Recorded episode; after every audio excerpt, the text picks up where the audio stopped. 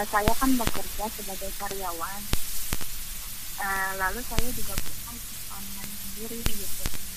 Uh, jadi di saat pesanan WhatsApp gitu saya kadang-kadang membalas di jam-jam kerja gitu.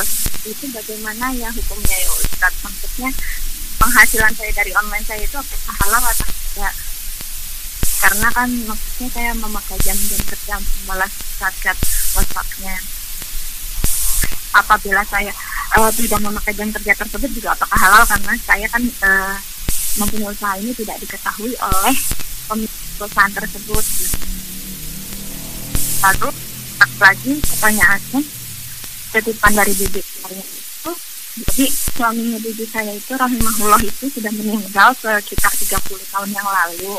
Lalu kuburannya ini kan di pemakaman kuburan umum yang membayar iuran sekian jika tidak dibayar akan digusur begitu lalu pertanyaannya itu apakah kuburannya itu sebaiknya dipindah atau bagaimana karena misalnya tidak dibayar-bayar gitu Ustaz. Sudah sekian. Barakallahu fikum wa jazakumullahu khairan. Semoga Allah Subhanahu wa taala menjaga kita semuanya. Untuk pertanyaan yang pertama, yaitu ketika kita menjadi seorang karyawan di sebuah perusahaan, kemudian di samping itu kita juga memiliki usaha sendiri seperti usaha online dan kita melakukan usaha online tersebut di jam-jam kita bekerja di perusahaan tersebut. Kita mengetahui ikhwatal Islam rahimani wa rahimakumullah, al-muslim ala syurutihim. Seorang muslim tergantung akad yang terjadi antara pihak pertama dan pihak kedua. Ketika kita mendaftar di suatu perusahaan, kemudian ketika kita dianjurkan atau ketika kita diberikan amanah untuk bekerja di sana, menjalankan tugas-tugas yang telah diimpunkan atau yang telah diberikan kepada kita, maka ketahuilah itu merupakan di antara salah satu bentuk amanah yang harus kita laksanakan. Namun kita lihat pekerjaan tersebut ada pekerjaan yang sifatnya membuat kita tidak berhenti bekerja sehingga continue banyak pekerjaan-pekerjaan yang harus kita selesaikan. Nah, ada juga pekerjaan atau kita berusaha atau kita bekerja di suatu perusahaan yang sifatnya agak sedikit renggang. Namun secara umum kita mengetahui supaya kita keluar dari permasalahan seperti ini, apabila kita memiliki bisnis tersendiri, bagaimanapun kita sebagai manusia, maka akan lebih condong kepada bisnis tersebut walaupun kita berada di suatu tempat pekerjaan. Sehingga menyebabkan perkara seperti ini adalah perkara yang membuat kita mungkin tidak melaksanakan amanah 100%. Nah, bagaimana solusinya?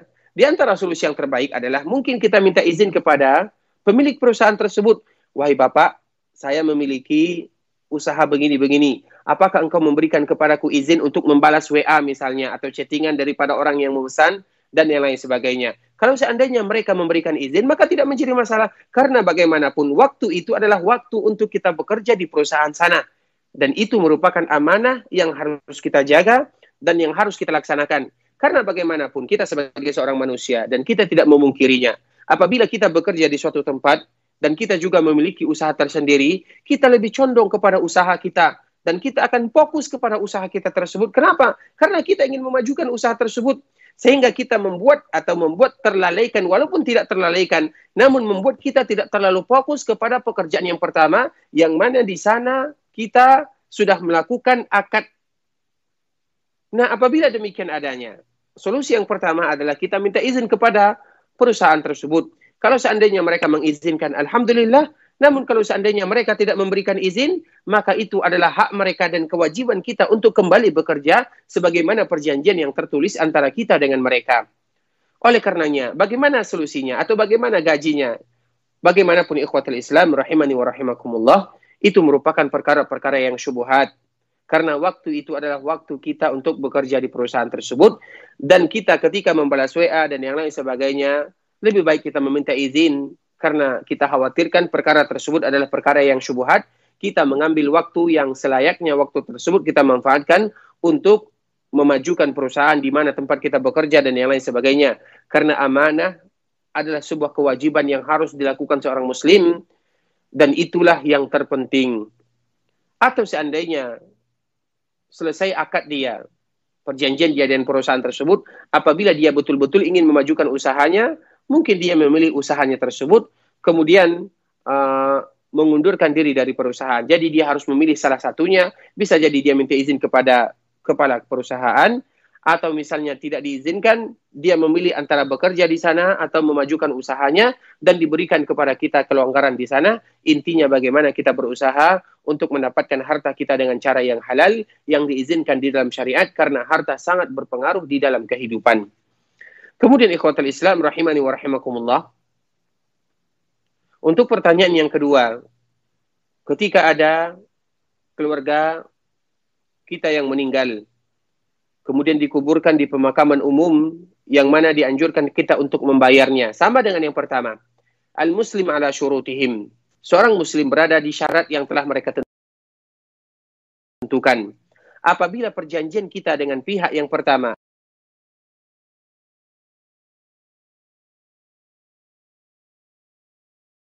atau pihak perkuburan adalah dengan dibayar dibayar maka itu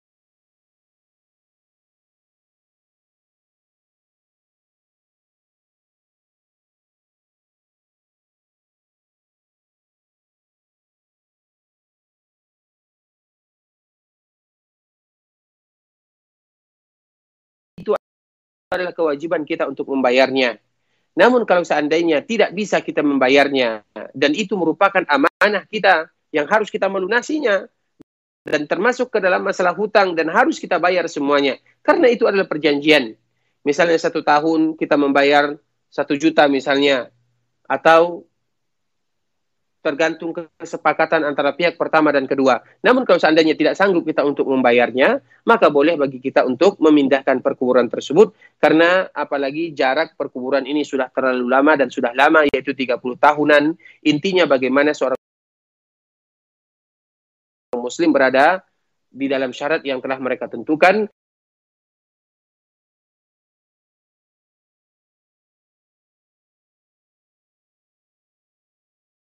Kalau seandainya tidak sanggup, maka boleh bagi mereka untuk